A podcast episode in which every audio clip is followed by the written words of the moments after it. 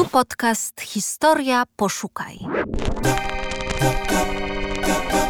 Najciekawsze tematy, perypetie niezwykłych bohaterek i bohaterów, zadziwiające losy dzieł sztuki. Siedzicie wygodnie? To posłuchajcie. Podobno kielich należał do świętego Wojciecha.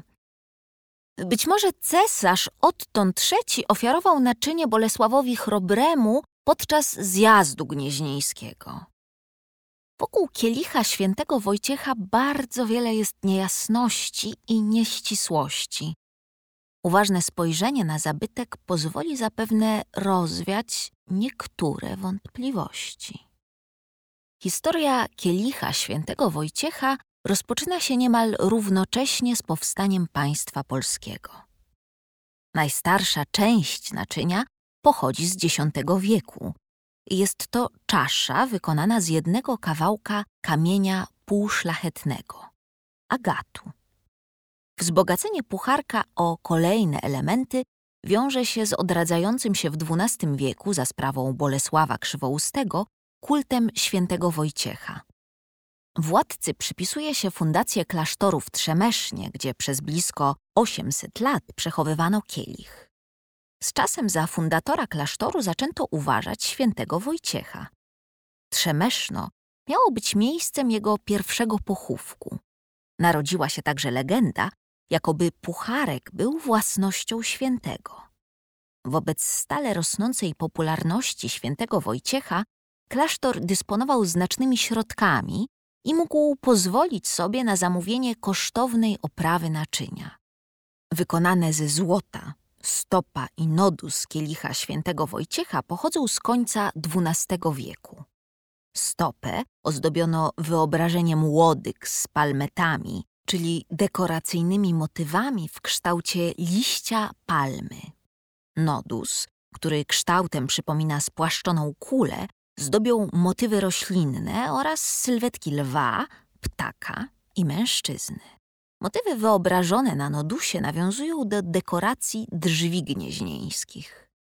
W 1507 roku poznański złotnik wykonał koszyczek stanowiący ozdobę dolnej części agatowej czaszy. Element ten został wymieniony w 1960 roku. Nie jest znana przyczyna decyzji o zastąpieniu dobrze zachowanego 400-letniego koszyczka nowym.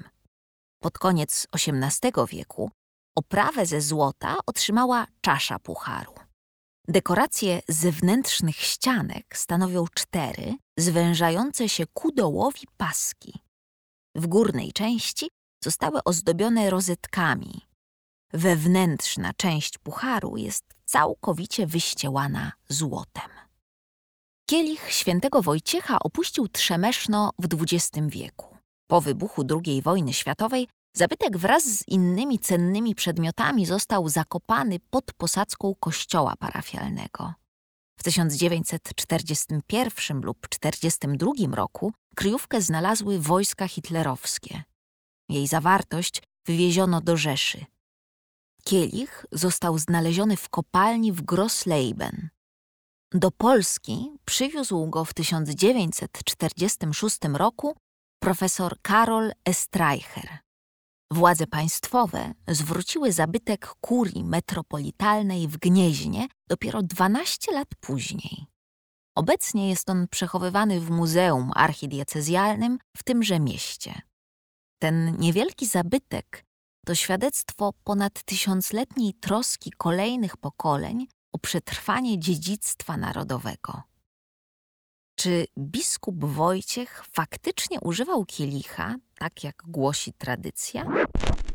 Odpowiedź na to pytanie znajdziesz na portalu Historia Poszukaj w artykule Anny Knapek pod tytułem Kielich pełen tajemnic. Historia kielicha świętego Wojciecha ze zbiorów Muzeum Archidiecezjalnego w Gnieźnie. Historia. Poszukaj.